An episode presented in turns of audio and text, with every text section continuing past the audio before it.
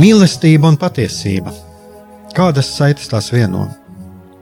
Mēs esam cieši saistīti pirmkārt ar sevi, ar savu būtību, un arī ar pārējo pasauli, ar līdzcilvēkiem, ar sabiedrību. Kur ir mūsu vieta šajā pasaulē?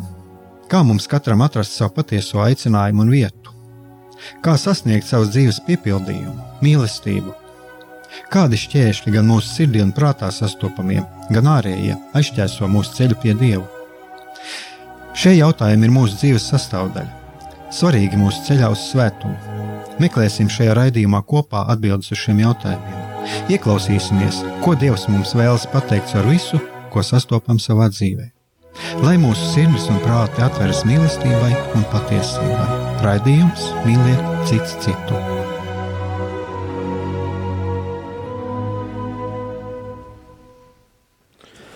Lai top slavēts Jēzus Kristus, esiet sveicināti, darbie radioklausītāji. Šis ir uh, raidījums Mīlēt citu citu. Studijā esmu es, Aigārs Brikmanis. Un uh, šīs dienas tēma, es uh, kādu laiciņu domāju, kādu nosaukumu šai tēmai dot. Un es beigās izlēmu ka šīs dienas tēmas nosaukums būs Bills Gates, labs vai slikts cilvēks. Un eh, patiesībā šis ir tāds eh, mans mēģinājums eh, izdarīt kopsavilkumu tām, ko es esmu pieredzējis, ko es esmu kādas ziņas es esmu saņēmis no cilvēkiem, kas klausās manu raidījumu, eh, kādas ir bijušas atsauksmes. Eh, tāpat arī man radās daži tādi jautājumi un vēlme padalīties arī saskarsmē gan ar kristiešiem, gan arī e, ārpus baznīcas es, esošiem ar šo cilvēku spriedumiem. Un uh, Man daži gadījumi ir, kas uh, likuši aizdomāties par to, kas, uh, kas patiesībā notiek mūsu sabiedrībā un kā mēs uztveram šos procesus, kas notiek apkārt. Un, un patiesībā šeit vajadzētu mm, runāt ne tikai par, par Billu Gatesu, mēs varētu runāt gan par, gan par Džordžu Sorosu, gan par dažādiem politiķiem, ap kuriem ir dažādi stāsti un mīti. Un uh, pati tā centrālā tēma, es domāju, būtu tā, kāpēc es, kāpēc es uh, personīgi attiecīgajā brīdī pievērstu uzmanību šim cilvēkam, kāpēc man par šo cilvēku ir tādas domas. Un uh, es vēlētos uh, sākt ievad, ar, ar, ievadīt šo raidījumu ar atskatu uz sevi.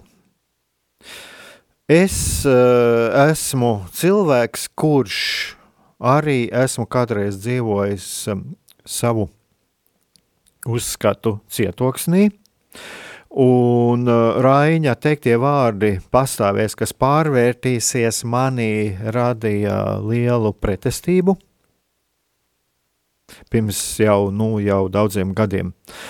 Un uh, Man gribējās šiem vārdiem pretoties, jo nu, kā var pārvērsties, nu, ko tas nozīmē pārvērsties? Ir taču kaut kādas. Um, kaut kāda kārtība pasaulē, un ir taču ir labi, ir slikti, un uh, ir taču man savs viedoklis, uz ko es balstos, un ir rīcība, ir jādara tā, un kā var darīt savādāk. Un, uh, tas man savā ziņā bija tāds tāds atbalsta punkts, šis mans manu viedokļa, mana redzējuma, mana redzējuma, mans atspēšanās punkts, uz kā es bal, balstīju savu uh, redzējumu, kā mēs mēģināju piemērot, un lūdzu tagad atcerieties šos manus uh, vārdus, ko es saku. Es mēģināju šim savam redzējumam piemērot eh, vērtējumu tam, kas notiek apkārt. Jā, man to ir jāatzīst. Es balstījos uz savas priekšstatu sistēmas, un, un man bija priekšstats, ka ir jādara tā. Un, lūk, ir pasaule, kas ir sliktā, slikta, uh, tie dara slikti, tie dara nepareizi, tie dara pareizi. Un, uh, tāpēc arī lūk, šie Raina vārdi pastāvēs, kas pārvērtīsies, man ir radījis šo pretrunu. Kā var pastāvēt, ja es pārvēršos un, un ja es uh, kaut kādā situācijā mainu savu viedokli. Tā bija tāda mana interpretācija tieši, un tā es arī šos Raina vārdus uh, sajūtu tā es viņus redzēju. Un uh, es atceros, toreiz man tieši uh, atbildot uz to, kāds bija mans viedoklis um, par kādu situāciju sabiedrībā, uh, un uh, mana. Mm, mans, mans viedoklis par to, kā būtu pareizi jādara, tad lūk, kāds cilvēks man atgādināja šos raņa vārdus, un man viņi radīja eh, ļoti lielu pretestību.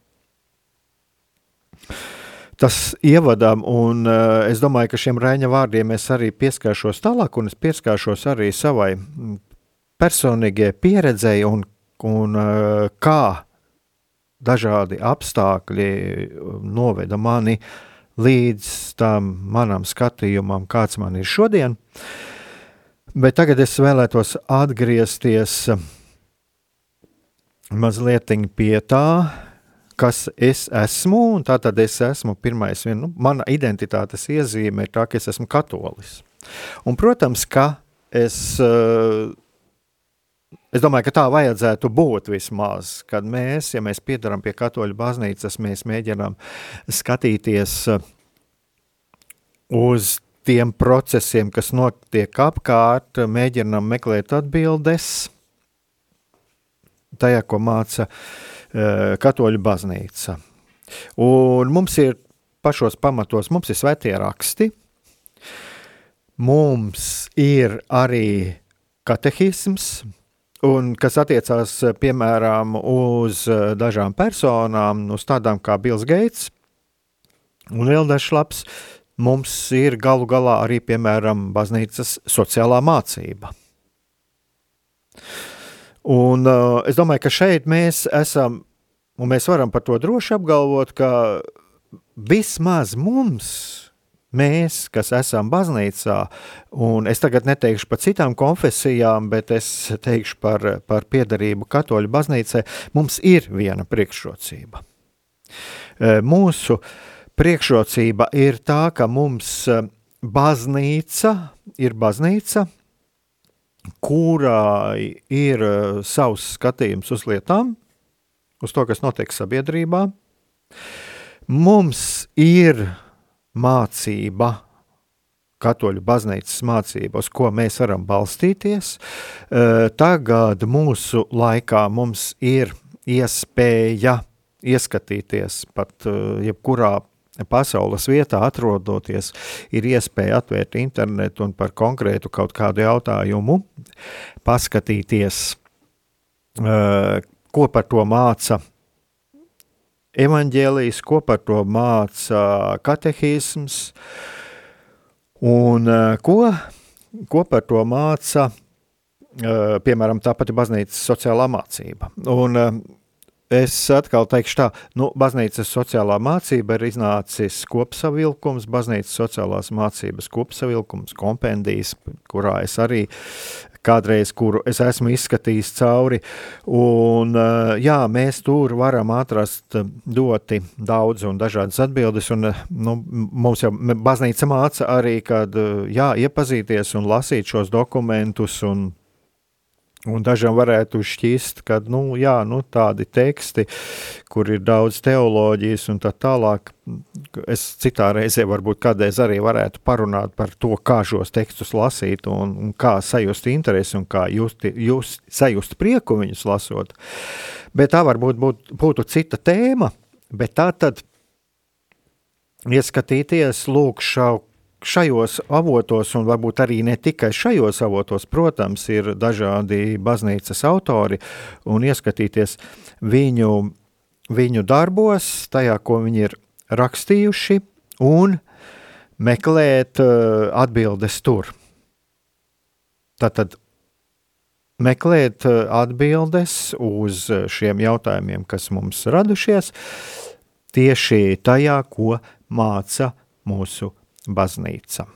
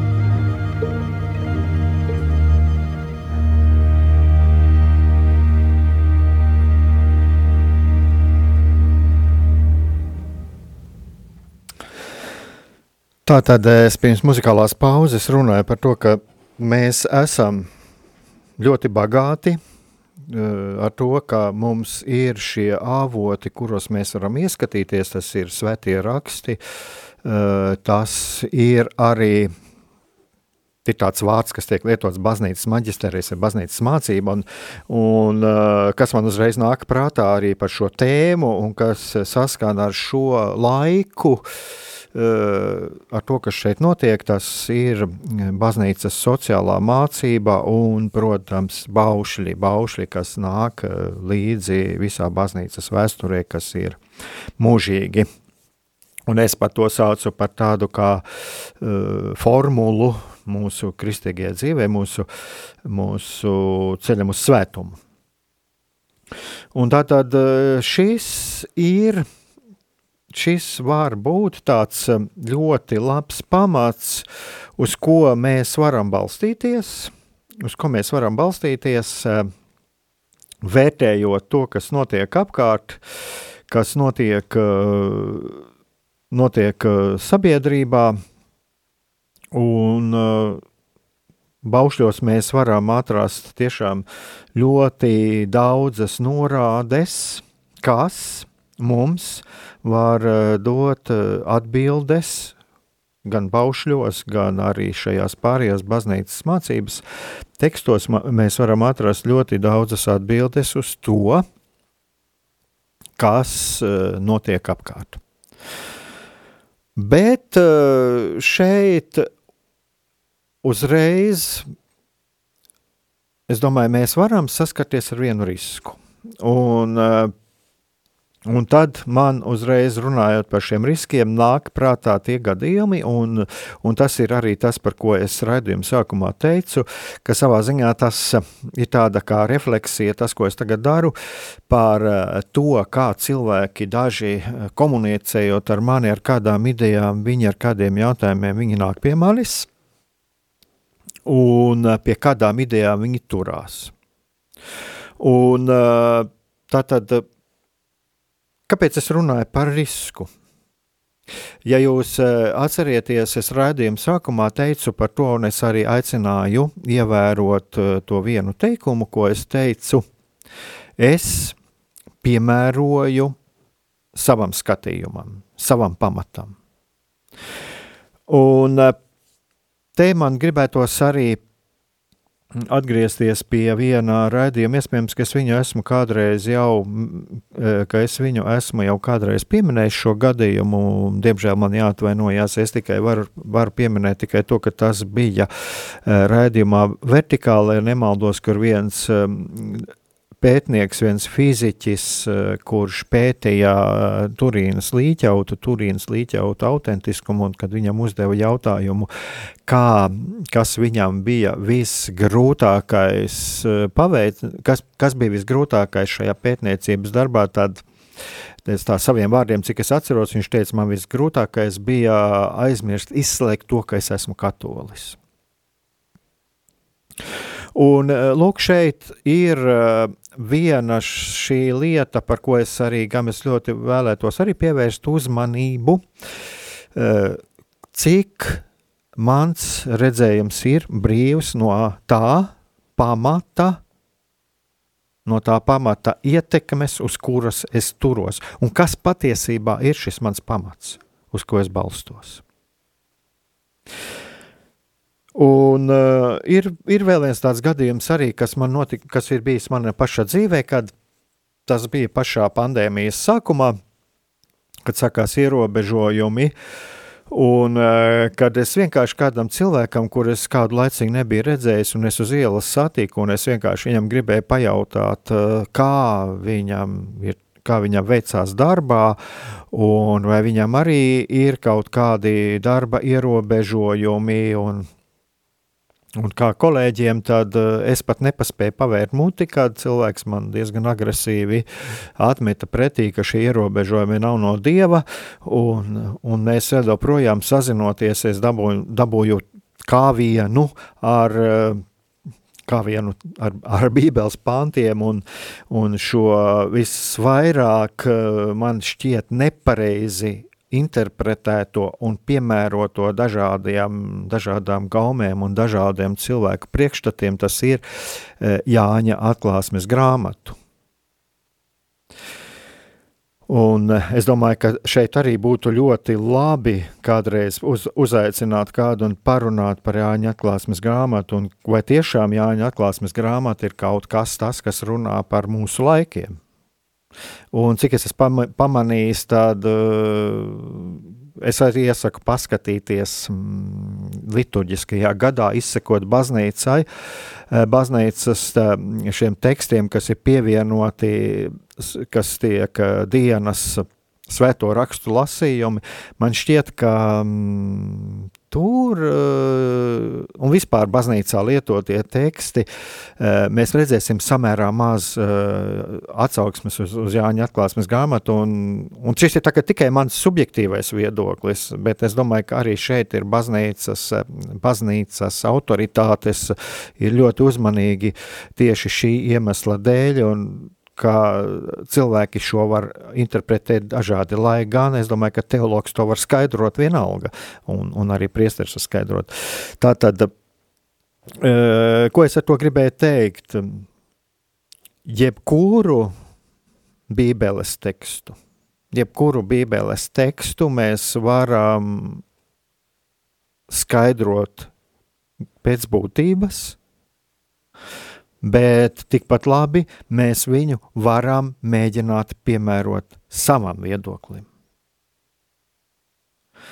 Tas ir tāpat kā pārējā informācija, ko mēs no pasaules mums katram ir tāds sava veida grēks, ka Es to saucu par grēku, eh, bet es domāju, ka mums jāsaprot, to, ka grēks ir tad, kad eh, ja mēs apzināti turamies pie kaut kā un neesam atvērti uz eh, citādo, ja sevišķi tas izrādās, ka tas apgāž mūsu iepriekšējo priekšstatu.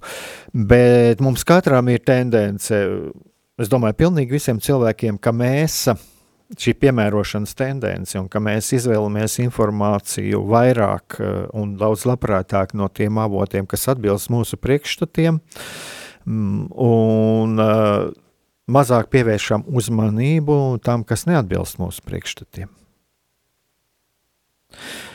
Un tā tad, lūk, šeit, tātad kā, kā mēs varam attiekties uz to, uz tiem tekstiem, kuri nonāk mūsu priekšā. Uz to mašu manis pieminētajiem svētajiem rakstiem, uz, uz baznīcas eh, autoritošu izdotajiem dokumentiem, uz, eh, uz to pašu eh, baznīcas sociālo mācību un uz citiem, un uz citiem tekstiem. Kā, kā mums uz to attiekties? Thank you.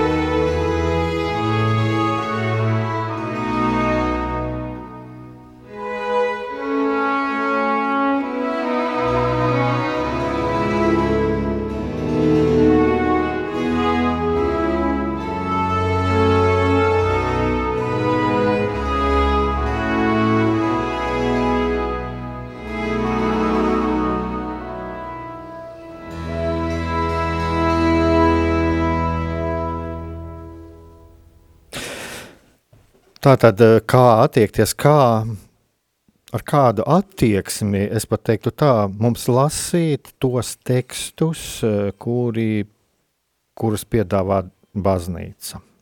Un eh, šeit es atkal gribu teikt to, ka es dalos šeit ar savu pieredzi,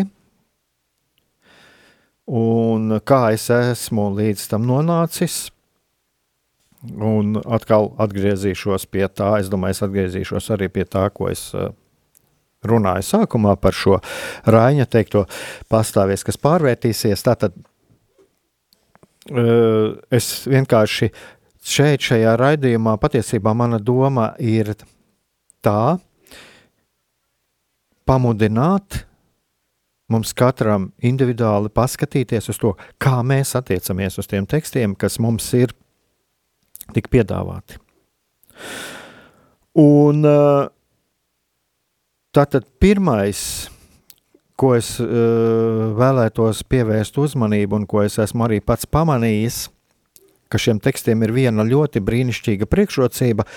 Viņi ir atvērti, un viņi ir atvērti dažādām interpretācijām, kas pēc būtības ir labi.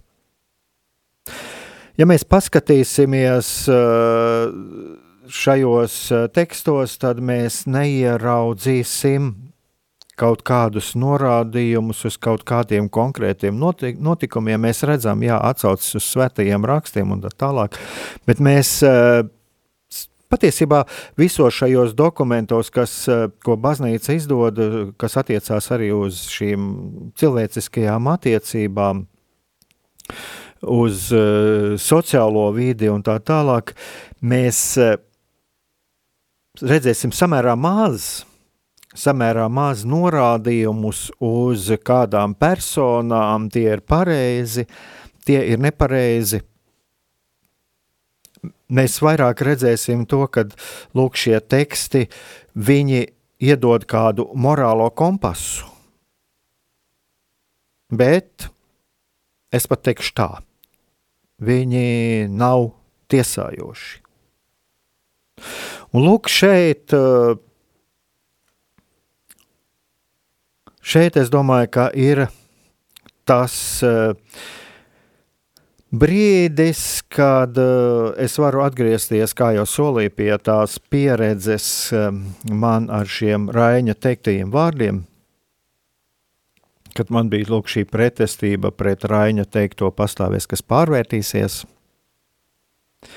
ka tad, kad saskaroties ar uh, apkārt notiekošo, un kad es sāku pamanīt, ka daudzas lietas, kā es esmu uz pasauli skaties, skat, skaties uz lietām, ka viņas uh, gluži nav tādas, ka viņas neatbilst tam, kā es to esmu redzējis, ka daudzas manas cerības, uh, kas attiecās uz sabiedrības procesiem, ka viņas nepiepildās, ka es sāku pamanīt, ka daudzas manas rīcības, ko es esmu darījis un kā es esmu ticējis, ka viņas nepiepildās un ka es savā ziņā esmu ļoti daudz kur kļūdījies, gan savos pieņēmumos, gan savā rīcībā.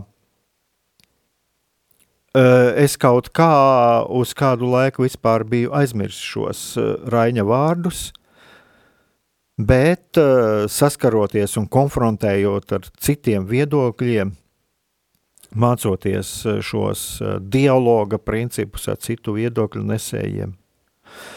Ar to visu saskaroties, man radās tāds ļoti liels jautājums, uz ko tad man galu galā balstīties? Kas ir tas, uz ko balstīties? Un tad es ar vien vairāk un vairāk sāku saprast eh, to, ka lai es varētu balstīties, ka uz kaut ko man ir jābūt gatavam izmaiņām, gatavam izmaiņām pašam sevī, pašam savā domāšanā, pašam savā e, pasaules procesu uztverē. Un es ar vien vairāk un vairāk sapratu to, kā mani stingrie priekšstati, kurus es e, tik nikni kādreiz pat esmu aizstāvējis, ka šis mans redzējums, ka patiesībā tas bija mans cietoksnis, no kur, kurā es biju ieracies, kurā es biju paslēpies, eh, bailēs no sevis, sevis nemīlēšanā, un eh, ka faktiski tas redzējums, uz, ar un tas skatījums, ar kuru es skatījos un pie kuras mēģināju turēties, tās bija patiesībā ļoti liels bailes no patiesības. Tā bija tāda viena lieta, un otrs, ka es sapratu to, ka pārmaiņas tas nebūtu nenozīmē nodevību, kaut kādus savas būtības, eh, savu ideju nodevību, ka pārmaiņas būtībā nozīmē augšanu. Gan intelektuālu, gan arī garīgu augšanu. Pārvēršanās, protams, var būt divpusēja, var būt uh, gan uz leju, gan uz augšu. Mēs varam pārvērsties uh, un kļūt uh, daudz sliktāki, bet mēs varam pārvērsties un kļūt labāki. Un, un būtība nav tā, uh, ka pārvēršanās Pārvēršanās nav tā, kas mūs apdraud. Pārvēršanās var būt tikai uz augšu vai arī uz leju.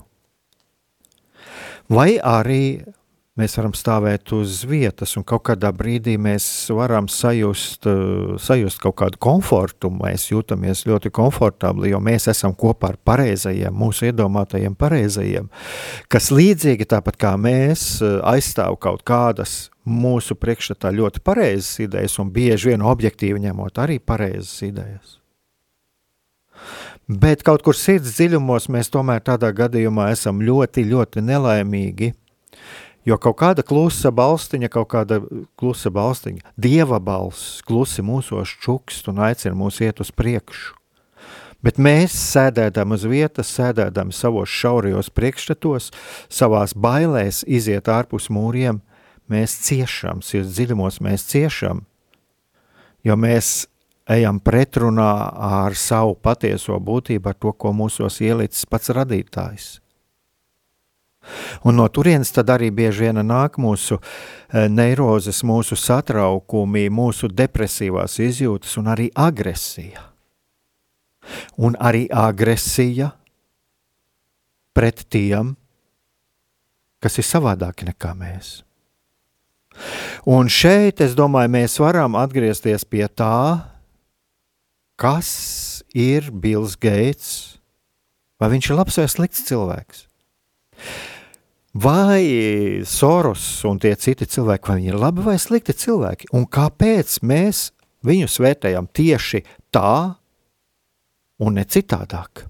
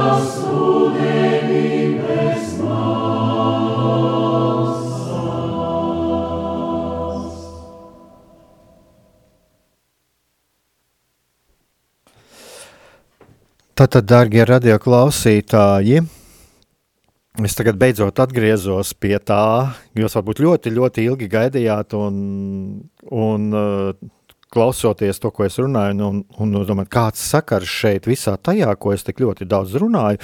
Jā, ievadā es pieminēju šo Bila Geitsa piemēru. Un kāds sakars ir ar Bilu Geitsu? Visam šim. Un uh, es domāju, ka šai tēmai varētu veltīt vēl un vēl raidījumus, bet es vēlētos, lai jūs ieklausītos, un, un tā kā arī internets dod šo iespēju, varbūt arī vēlreiz paklausītos un arī paskatītos YouTube un ieklausītos sevī, kādas izjūtas rodās pēc, pēc visa tā, ko es runāju. Un nedod Dievs, es negribu būt kaut kāds guru, jo es saku, es vienkārši dalos ar savu pieredzi, un kā arī es pirms muzikālās pauzītes teicu, arī šis ceļš, kā es pats nonācu līdz tam, kad es sāku pamazām saprast, kādos cietokšņos es esmu e, pats sevi slodzījis un, un kādas bailes ir manī bijis, un patiesībā manas bailes no tā, ko manī ir ielicis Dievs. Bet, eh, ja mēs tagad atkal atgriežamies uz šiem tekstiem, ko es minēju, katoļu baznīcas sociālā mācība vai, te, vai baušļi, tad es tagad aicinātu pievērsties baušļiem. Jo baušļiem ir viena tāda ļoti laba lieta. Baušļi ir tie, kas norāda tiešas norādes. Un e, kas ir baušļiem raksturīgi? Baušļi saka, tev. Tev būs, un tev nebūs. Jo, ja mēs paskatāmies, mm, ja skatāmies sevi, es domāju, ka katrs mēs atradīsim tādu tendenci. Mēs izlasām Bībeles pantu, un tad mēs sakām, oh, tam cilvēkam tas ir vajadzīgs. Lūk, tas ir tāds. Tas ir tāds. Un, protams, šis risks var būt arī ar baušļiem, un tas risks var būt arī, piemēram, ar to pašu baznīcas sociālo mācību. Un katrā ziņā es neaicinu tagad šeit uh, neredzēt negatīvo, nesaukt negatīvo vārdā. Ja mēs redzam, ka cilvēks dara ļaunu, ir pienāk brīdis, un vienmēr pret ļaunumu ir jāuzstājas. Un šis ļaunums ir jānosauc vārdā. Uh, atkarīgi no apstākļiem. Un mums ir jārunā ar, ar šo cilvēku, kurš šo ļaunumu dara jābrīdina pārējie tad, ja mēs redzam absolūti šo ļaunumu, kas tiek darīts. Šeit nav runa par to. Šeit nav runa par to. Šeit vairāk ir runa par to, cik objektīvi mēs esam vērtējot otru cilvēku. Vai tā informācija, ko mēs esam saņēmuši no par otru cilvēku vai par kaut kādiem procesiem pasaulē notiekošiem, vai viņa atbilst patiesībai. Vai varbūt es esmu tikai izvēlējies avotus, kas pie atbilst maniem priekšstatiem. Un šeit, es domāju, ir ļoti labi, un katru es varētu aicināt ieskatīties arī Katoļu baznīcas katehisma 8. pants, kurš par to ļoti labi runā, 8. bauslis, kurš runā par to, to nebūs dot nepatiesu liecību pret savu tuvāko, kur šajā biezajā katehisma grāmatā ir ļoti labs skaidrojums arī, kā mums attiekties pret tiem avotiem, kas mums ir. Tā tad, lūk, tagad, eh, tāpēc eh, eh, tādā ziņā es redzu šos baušļus. Viņi ir ļoti labi runā tieši ar to, ka viņi saka, tev būs un tev nebūs. Viņi runā man. Un, un arī svētie raksti runā pirmkārt man. Un arī baznīcas sociāla mācība pirmkārt runā man. Es domāju, ka tā ir viena no svarīgākajām lietām, uz ko mums būtu vērtīgi pievērst uzmanību, un man arī pašam sev reiz reizē jāatgādina, ka šīs lietas runā ar mani. Dievs nesaka, viņš, viņš ir tas grēcinieks. Dievs saka, negrēko. Dievs saka, mīli otru. Dievs saka, nezodz. Un Dievs mazliet ironiski atgādina, ja tu esi bez grēka, tad met šo akmeni. Un šī, šie Jēzus vārdi patiesībā ir ieklausīties mūsos pašam sevī. Un Mateja evaņģēlijā 7. nodaļa, 1. pants - netiesājiet, lai jūs netopat tiesāti. Un, uh, es domāju, ka šo ir ļoti labi arī uh, padomāt par šo tiesāšanu, domājot par citiem cilvēkiem. Jo tiesājot citu, mēs varam notiesāt paši sevi. Jo Vai nav tā, ka mēs skatoties uz otru cilvēku, uz otra cilvēka nodarījumu, meklējam tikai šo apsūdzošo pusi?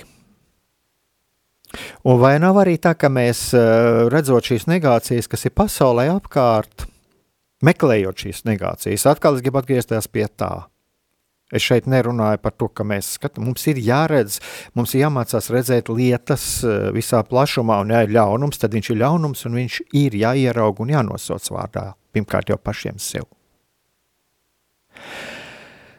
Bet eh, tādā gadījumā, tomēr, ja mēs eh, esam vērsti uz to, lai cīnītos pret kaut ko, ja mēs cīnītos pret iedomātu un pat arī izdomātu ļaunumu, kā mums diemžēl bieži vien gadās.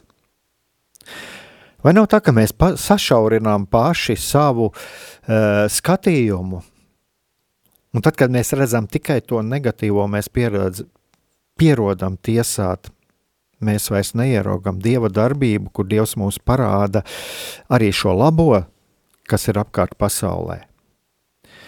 Vai nav tā, ka mēs eh, pievēršoties šiem tiesāšanai mm, un tiesājot uh, otru, tiesājot pasaulē notiekošos procesus, mēs ejam tajā tik dziļi, ka mēs jau sākām pievērsties kaut kādam mākslīgam garīgumam, kādam, es ko kādreiz saucu, sintētisko garīgumu.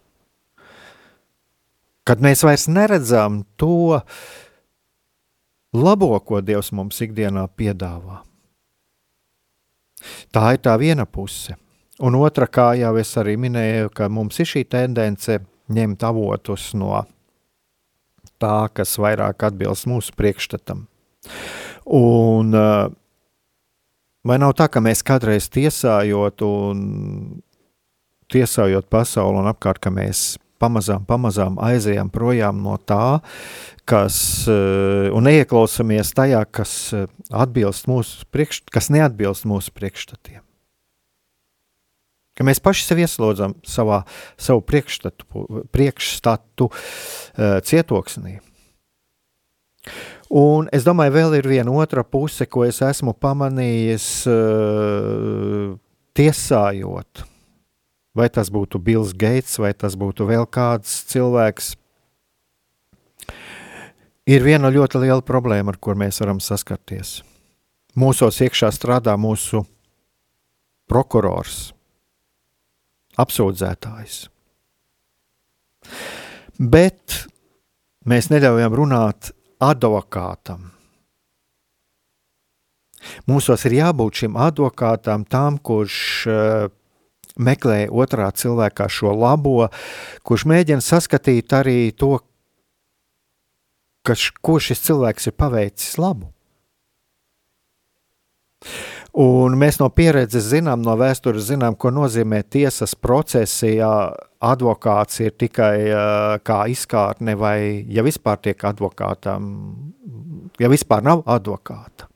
Pie kāda rezultāta tas noved? Un es domāju, ka mums ir arī ļoti svarīgi paskatīties iekšā, vai mūsos ir šis advokāts, vai mūsos runā šis advokāts, kas būtībā ir arī Dieva balss vai mēs tiešām redzam cilvēku tikai kā kaut ko, uz ko mēs varam izlikt savas bailes, savas negācijas? Un šis nevienmēr ir šis cilvēks, kas mums ir blakus. Tāpēc es arī runāju par šiem sabiedrībā, visā sabiedrībā, globālā mērogā zināmajiem cilvēkiem, kuri, kuriem, kuri bieži vien kļūst par šīs agresijas upuriem.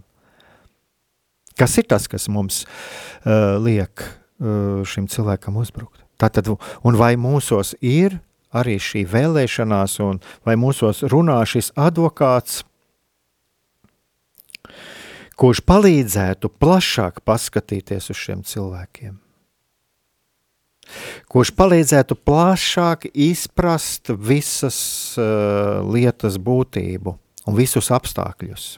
kas un kāpēc tā notiek, kāpēc šis cilvēks tā rīkojās, kāpēc notiek tā un ne savādāk. Un uh, ir daži punkti, pa kuriem es arī esmu šeit tādu uzmetumu uztaisījis, ko, manuprāt, ir svarīgi man un mums visiem zināt. Pirmais ir tas, ka apzināties to, ka es esmu ierobežots un es kļūdos.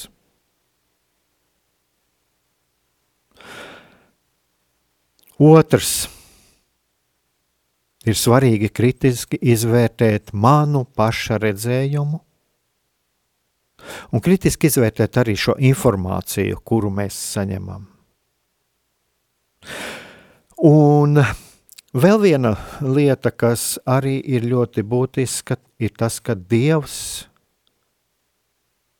bieži vien darbojas ļoti lēni un atklājas ļoti lēni. Viena no lielām problēmām arī ir skatoties uz pasaulē notiekošiem procesiem, ka mēs visu ļoti, gribam ļoti ātri un tūliņ un tagad. Bet mēs nevaram saņemt šīs atbildes tūliņ un tagad ļoti, ļoti bieži daudzos gadījumos. Šīs atbildes nāk lēni, lēni. Nāk caur mūsu pašu pūliņiem, caur mūsu pašu intelektuālo, garīgo piepūli. Un tāpat arī tie citi cilvēki, kas darbojas pasaulē, eh, ārsti, mediķi, zinātnieki, arī baznīcas cilvēki, viņi eh, strādā un pamazām, pamazām atklāja šīs lietas, kuras mūs satrauc. Tātad Dievs bieži vien darbojas ļoti lēni, un šeit eh, ir ir vajadzīgs arī šis pacietības tikums. Būt pacietīgiem šajā zīmē, šajā, šajā dzīvē, e, pacietīgiem, gudriem un pazemīgiem. Un vēl viena tāda lieta, arī, kā mēs gribētu pievērst uzmanību, Katrs sev uzdosim jautājumu, vai tad, ja izrādītos, ka mans viedoklis, mans redzējums, pie kā es esmu turējies, nav patiess, vai es joprojām to censtos aizstāvēt?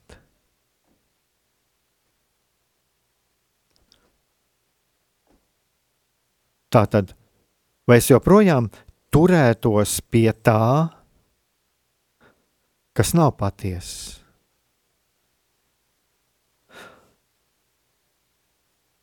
Tad vai es neturos kaut kādā savā priekšstatu cietoksnī, vai es esmu atvērts jaunām ziņām, jaunām atziņām? Manuprāt, arī ļoti svarīgi ieklausīties sevī. Vai es esmu atvērts tad, ja izrādās, ka tas skatījums, uz ko es balstos,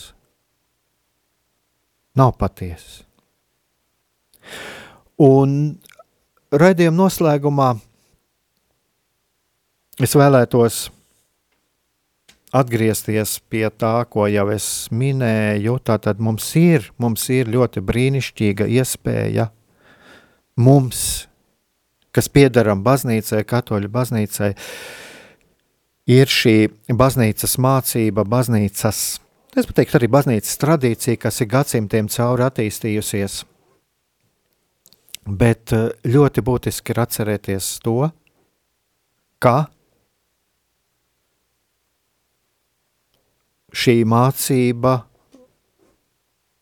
daudzajādā ziņā mēs viņu varam uzskatīt to, ko mūsu baznīca pasniedz, viņa uzrunā pirmkārt tieši mūsu katru, Viņa ir atvērta, viņa ir at, atvērta, es pat teiktu tā, atvērta katram mūsu individuāli, man, jums, mums katram atsevišķi, katram savā mūsu dzīves situācijā, un līdz ar to mūsu redzējumi var atšķirties, bet viņi uzrunā katru mūsu atsevišķi. Un otrs ir, ka ieklausīties mūsos, ieklausīties mūsu sirdsapziņā un ieklausīties, kā es uzvedos attiecībā uz citiem, kāda ir mana attieksme attiecībā uz citiem. Un eh, vai es esmu patiess pret sevi un citu.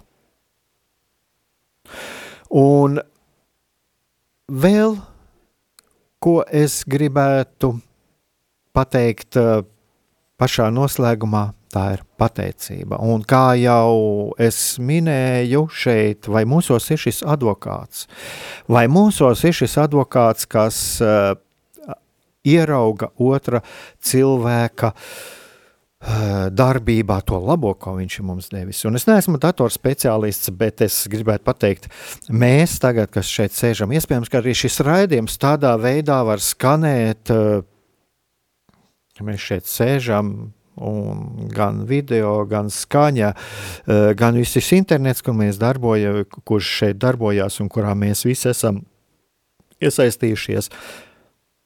Vai viņš arī nav tas pats Bills Gates devis kaut kādu ieguldījumu, lai mēs šeit varētu šādā veidā komunicēt? Un lūk, šeit es domāju, arī ir ļoti svarīgi pateikties Dievam par katru cilvēku, par to, ko viņš mums ir devis. Par tām iespējām, ko viņš mums ir devis. Būt pateicīgiem. Un pateicīt, pateicīgiem pirmkārt jau debesu tēvam, mūsu radītājam, par to, ka viņš ir devis cilvēkiem šos talantus, šīs spējas, Un šajā dziļākajā būtībā pārējās lietas, cenšoties saskatīt objektīvi visu patiesību, galavārds, kas attiecās uz cilvēkiem, uz pasaulē notiekošo, galavārds, lai pieder Dievam. Dievs ir tas, kurš redz, Dievs ir tas, kurš pārēdz un zina mūsu situācijas. Dievs ir tas, kurš redz, kas sirdī ir šiem citiem cilvēkiem. un mācīsimies neiespējamo. Šajā dzīvē neiespējamo, bet tieksimies pēc tā. Skatīties ar Jēzus acīm uz cilvēkiem mums apkārt, uz pasauli. Dieva mīlestībā. Būsim tie, kas seko Jēzum.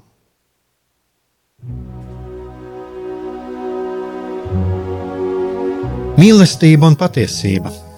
Kādas saites tās vieno? Mēs esam cieši saistīti pirmkārt ar sevi, ar savu būtību, un arī ar pārējo pasauli, ar līdzcilvēkiem, ar sabiedrību. Kur ir mūsu vieta šajā pasaulē? Kā mums katram atrast savu patieso aicinājumu un vietu? Kā sasniegt savas dzīves piepildījumu, mīlestību? Kādi šķēršļi gan mūsu sirdī un prātā sastopamie, gan ārējie aizķēso mūsu ceļu pie Dieva? Šie jautājumi ir mūsu dzīves sastāvdaļa, svarīgi mūsu ceļā uz svētumu. Meklēsim šajā raidījumā kopā atbildes uz šiem jautājumiem. Ieklausīsimies, ko Dievs mums vēlas pateikt ar visu, ko sastopam savā dzīvē. Lai mūsu sirds un prāti atveras mīlestībai un patiesībai, raidījums mīliet citu citu.